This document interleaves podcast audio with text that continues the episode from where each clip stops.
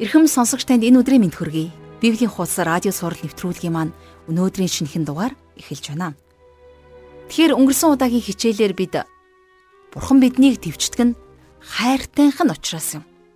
Харин бидний төвчээр бол бид түүний өмнө сахилга баттай байх юм байна гэдгийг хамтдаа сурч авсан байгаа.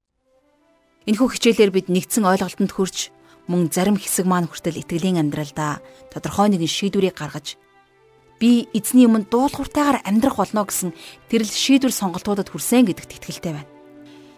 Мөн өнгөрсөн хичээлээр бид Бурхны хувьд монголчуудын ярьдгаар айлд тавигдсан хүүхэд нь биш. Харин Бурхан биднийг Еврей номоор дамжуулан та нар бол бутаж хүүхдүүд биш. Харин та нар миний хүү. Есүс Христэд итгэснээрээ миний өв залгамжлагчд болсон гэдгийг хэлж сонссон. Тэр тунхагийг бид хамтдаа хүлээн авсан. Хэрвээ амьдралаа шулуун дардан байхаар Иесус Христэд итгэж байгаа бол өнөөдрийн хичээлээр дамжуулан тэрхүү бодолтой нь өөрчлөгдөн шинчлэгдэнэ гэдэгт итгэлтэй байна. Бидний өнөөдрийн судлах хэсэг бол Еврей номын 12 дугаар бүлгийн 9-өөс 14 дугаар эшлэл байх болно. Ингээд хамтдаа эзэнд энэ цагийг өргөн залбирцгаая.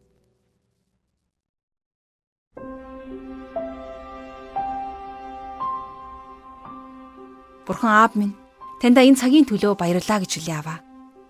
Энэ өдөр бид таны үгийг судалж, таныг улам илүүгээр таньж мэдхийг хүсэж байна. Бидний амьдралд байнга тохиолддог зовлон бэрхшээлийн өмнө бид итгэлээрээ чухам яг ямар алхам, ямар хариу үйлдэл үзүүлэх ёстойг та энэ цагт бидэнд ойлгуулж өгөөрэй. Та биднийг төрсөн хүүшгээ хайрладаг учраас зэмлэж, сахилгажуулдаг гэдгийг бидэнд энэ цагт ойлгуулж өгөөрэй. Таны хайрын сахилгажуултанд бид хэрхэн хандах ёстойг та энэ цагт бидэнд ухааруулаарай. Эзэн бурхан минь бид зөрүүд гүжүүд бид өөрийнхөө дур зоргоороо авирлагчд байхыг хүсэхгүй байна. Харин аваа бид энэ насныхаа амьдралын туршид танд хайртай гэдгээ нотлон харуулж үнийгээ баталж гэрчилж бид сахилга баттай амьдрахыг хүсэж байна. Мөнхийн эзэн минь бид дуулууртай амьдрахыг хүсэж байна. Та бидэнд ариун сүнсээрээ дамжуулан зааж илчлэн харуулаарай. Бүх зүйлийг танд өргөж эзэн Есүсийн нэрээр залбирanгуйч байна. Амен. Ингээд хамтдаа жаргал агшин хичээлд анхаарлаа хандуулъя. За өнөөдөр бид хамтдаа өнгөрсөн хичээлээрээ үзсэн Еврей номынхон 12 дугаар бүлгийг үргэлжлүүлэн судлах болно.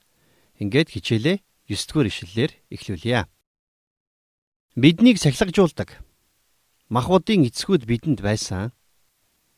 Бид тэднийг хүндэлдэг байсан бол тех тусмаа бид сүнсний эцэгт захирагдан амьдрах нь үлэмж дээр биш үү?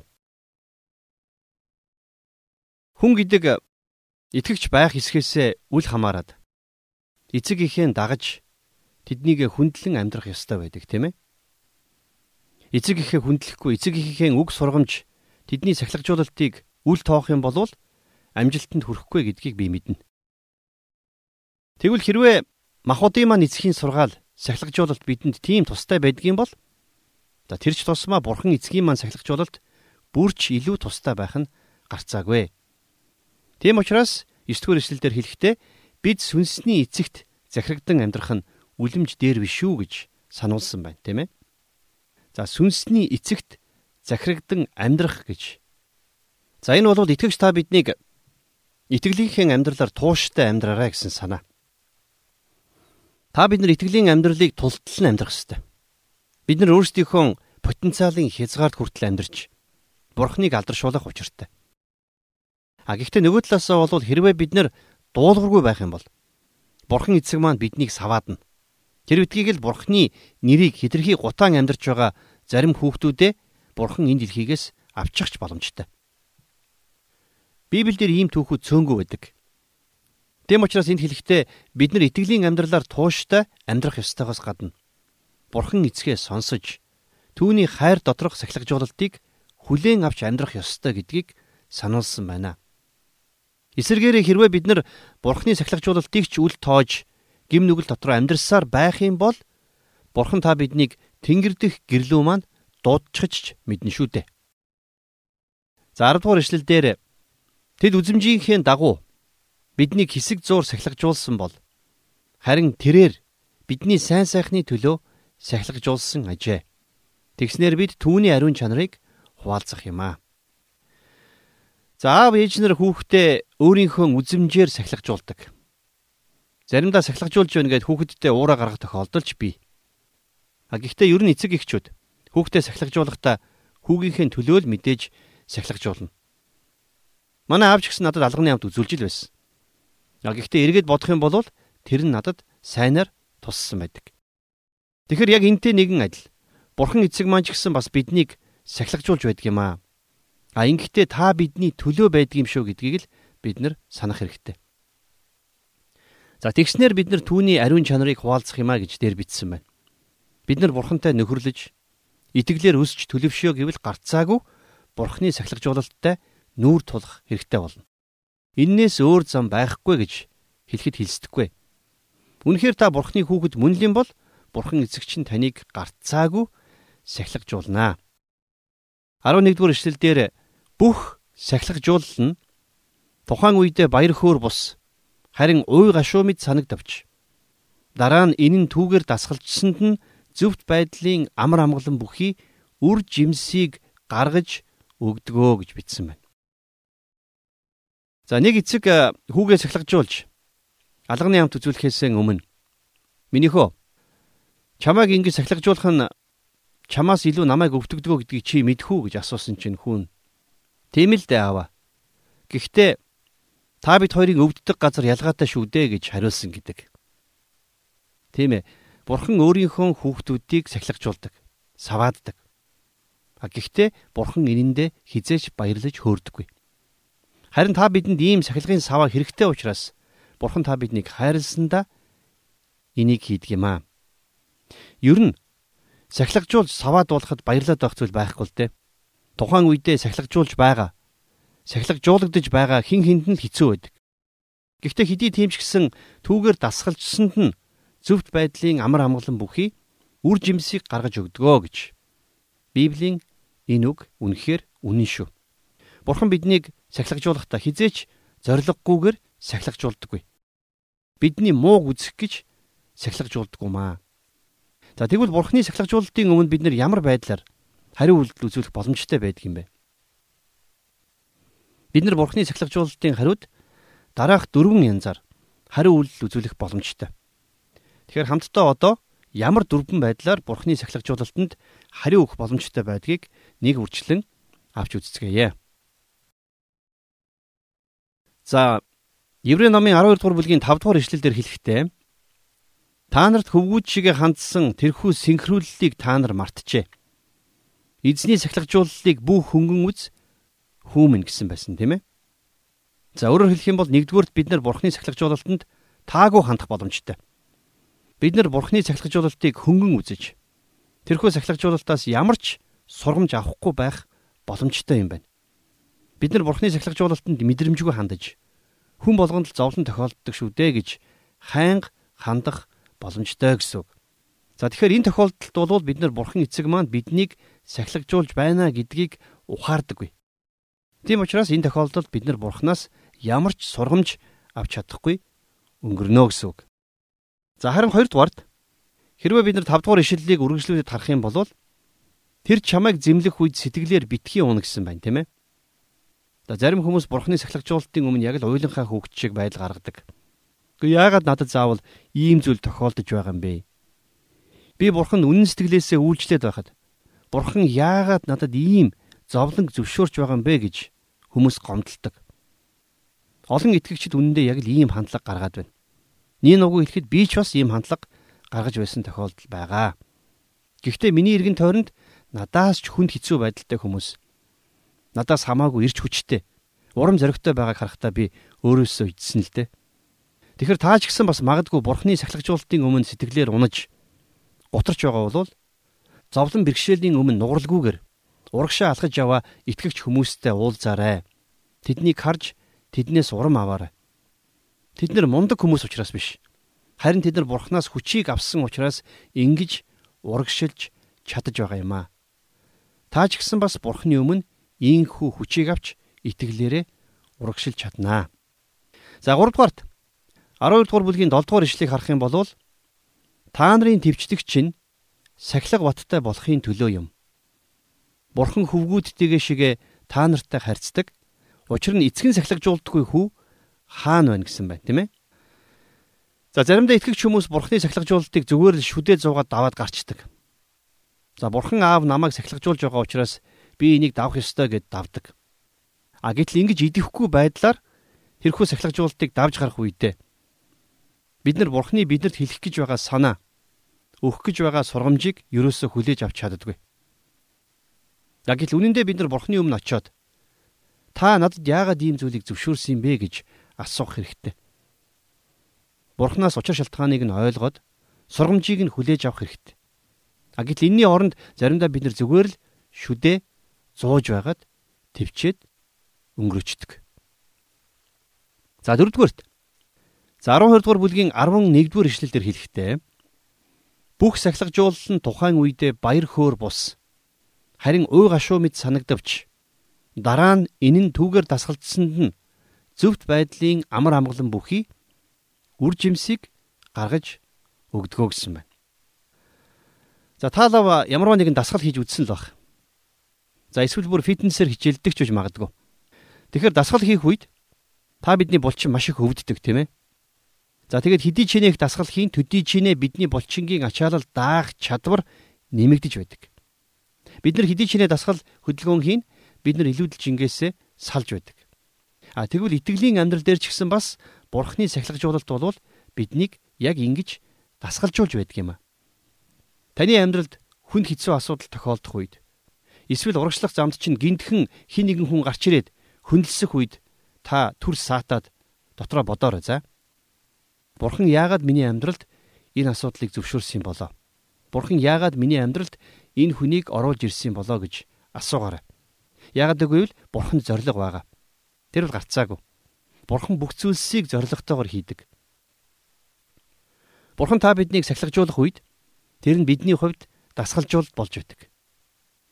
Тийм учраас Илж Паул 1-р Коринтын 9-ийн 27 дугаар ишлэлээр хэлэхдээ харин ч бусдад тунхагласан атлаа өөрөө тэнцээгүй байх вэ гэсэндэ бие залхааж боолчилдаг юм а гэж бичсэн байна.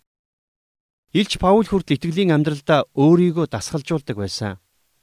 Тэр өөрийнхөө махбодын хүсэл дийлдэж бууж өгөөгүй. Яагад гэвэл тэр бурхны өмнө очиод тэнцээгүй гэсэн дүн авахыг гэхээс айж байсан. Тэгэхээр та бидний хувьд ч гэсэн хаа байгаа газараа сүнслэг дасгалаа хийж эхлэх цаг нэгэнт болсон байна. 12 дугаар ишлэлдэр иймд солидсан гар салгалсан өвдгөө тэнхрүүлэх төөн гэж бичсэн байна. Өнөөдөр та бидний итгэлийн амьдрал урам зориг хэрэгтэй байна. Та итгэлийн энэ амьдралаа гомдлож, гоншгонож битгий өнгөрүүлээрэй. Зарим хүмүүс дандаа л мэдрэмжэндээ сэтгэл хөдлөлтөд хөтлөгдөж амьдардаг. Тэд нар өөрт нь ямар санагдаж байгаа, юу мэдрэгдэж байгааг дандаа ярьдаг. Гайхалтай нь ийм хүмүүсийн ихэнхт нь дандаа л таагүй зүйл мэдрэгдэж байдаг. Тэгэхээр итгэгч та бидэнд таагүй санагдах зүйл бидний амьдралд олон тохиолддог ч гэсэн та бид нар мэдрэмжээрээ биш харин итгэлээрээ амьдрах ёстой шүү. Тийм учраас бид нар солидсан гартай салгалсан өвдөгтэй энэ амьдралыг туулах ёсгүй. Бидний амьдралыг хүмүүс харж байгаа. Энэ хүмүүс ер нь зовлон бэрхшээлийг яаж давж байна вэ гэж тэд нар анзааран ажиглаж байгаа. Тэгвэл бурхан бидний амьдралд зовлон бэрхшээлийг зөвшөөрөх үед та яаж хүлээж авдаг вэ? Бурханаар дамжуулан дасгалжиж хүчрхэгждэг үү? Эсвэл нус нулимсандаа хутгалдаж бүр мөсөн ойчоод өгдөг үү? Бурхан таны амьдралд зовлон бэрхшээлийг өгөх үед та дотроо аав маа надад энийг зөвшөөрсөн юм чинь энэ нь миний төлөөл байж таарна гэж та бодоорой. Танд зөвшөөрсөн тэрхүү зовлон бэрхшээлийн цаана заавал Бурханы зориг байдаг. Та бидэнд суралцах боломжтой сургамжийг Бурхан бэлдсэн байгаа. Тэгэхээр бид нар Бурханы өмнө гомдлож та яагаад надад ийм зүйлийг зөвшөөрсөн юм бэ гэж гутрахын оронд Бурханы бидэнд хэлж байгаа үг сургамжийг илүү нээлттэйгээр хүлээн авч сурах хэрэгтэй байгаамаа. 13 дугаар ишлэлдэр доголн замаасаа хазаахгүй. Харин эдгээгдэхийн тулд хөлдөө зориулж шулуун жим тавиа. За үннийг хэлэхэд еврей номыг бишигч ирэх юм энд харин эдгээгдэхийн тулд хөлдөө зориулж шулуун жим тавь гэж хэлсэн нь яг ямар утгатай болохыг би сайн мэдэхгүй байна. Бид нэр сул дорой итгэгчдийг бүдрүүлэхгүй тулд өөрсдөө шулуун замаар алхаж тэднийг чулуун замаар дагуулах хэрэгтэй шүү гэсэн санааг энд хэлж байж магадгүй. А эсвэл амьдралын альва салхи шуурганд нааша цааша шидэгдэхгүй тулд шулуун замаар баттаа алах ёстой гэсэн санааж байж магадгүй. Өнөөдөр гадна талдаа мундаг итгэгчийн дүртэй хэрнээ амьдралынхан зам шулуун биш. Бузар мууруу гуйвж дайвсан итгэгчид цөөнгөө байдгаа. Тэгвэл магадгүй энэ нь биднийг битгий юм байгаарэ гэж сануулсан сануулагч байж магадгүй. За 14 дугаар эшлэлдэр бүх хүнтэй эвтэй байхыг болон ариуслыг мөшгөхтөн. Үүнгүүгээр хинч эзнийг үзэхгүй болоо. За энд гарч байгаа үгийг бол бид нэр зөвөр ойлгох хэрэгтэй. Бидэнтэй эвтэй байхыг хүсэхгүй байгаа хүмүүсийг бол бид нар яаж чадахгүй шүү дээ. Харин бид нартай эвтэй байхыг хүсэж байгаа буюу бид нартай эвтэй байх боломжтой байгаа тэр хүмүүстэй болвол бид нар ив найрамдалтай харилцаагаа хадгалахын тулд өөрөөсөө чадах бүхнийг хийх ёстой. А гэтэл бид нартэй эвтэй байх боломжгүй хүмүүс гэж бас хүмүүс бий, тийм ээ. Харин эсэргээрээ итгэгчид бидний хувьд бүх итгэгч хүмүүстэй эвтэй байх ёстой шүү. Үнэн дээр биднэрт ирсэн амар тайван, ив нэгдэл бидний ариусл бол Есүс Христийн цусаар л боломжтой болж ирсэн. Тэм учраас энэ бол маш чухал үн цэнтэй зүйл. Ром номын 5 дугаар бүлгийн 1 дугаар эшлэлдэр хэлэхдээ Тиймээс бид итгэлээр зөвтгөгдсөн учраас эзэн Есүс Христээр дамжин бурхантай эвлэрсэн гэсэн байдаг. Хэрвээ та бидэнд ямарваа нэгэн ариун зүйл байгаа бол тэр нь зөвхөн Христээс ирсэн шүү. Есүс бол бидний зөвхт байдал. Есүс бол бидний аврал, ариусл мөн. Тийм учраас итгэгчид та бид нар энэ бүх үннийг санахтаа итгэлийнхээ уралдаанда баяртайгаар урамтайгаар гүөх боломжтой юм аа.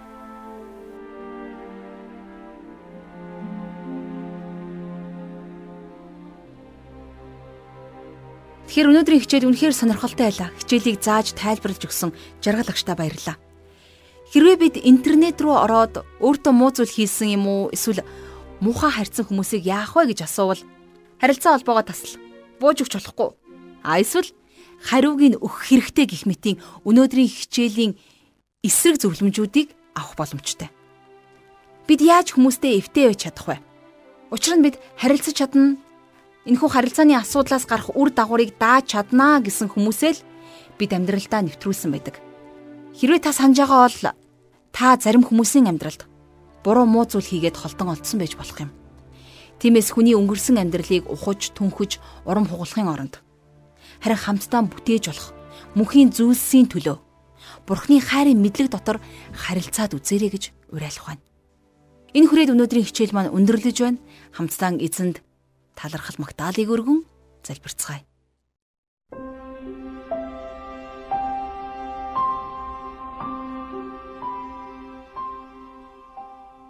Хайртай бурхан аав минь таньда өнөөдрийн хичээлийн төлөө онцгойлон талархаж байна.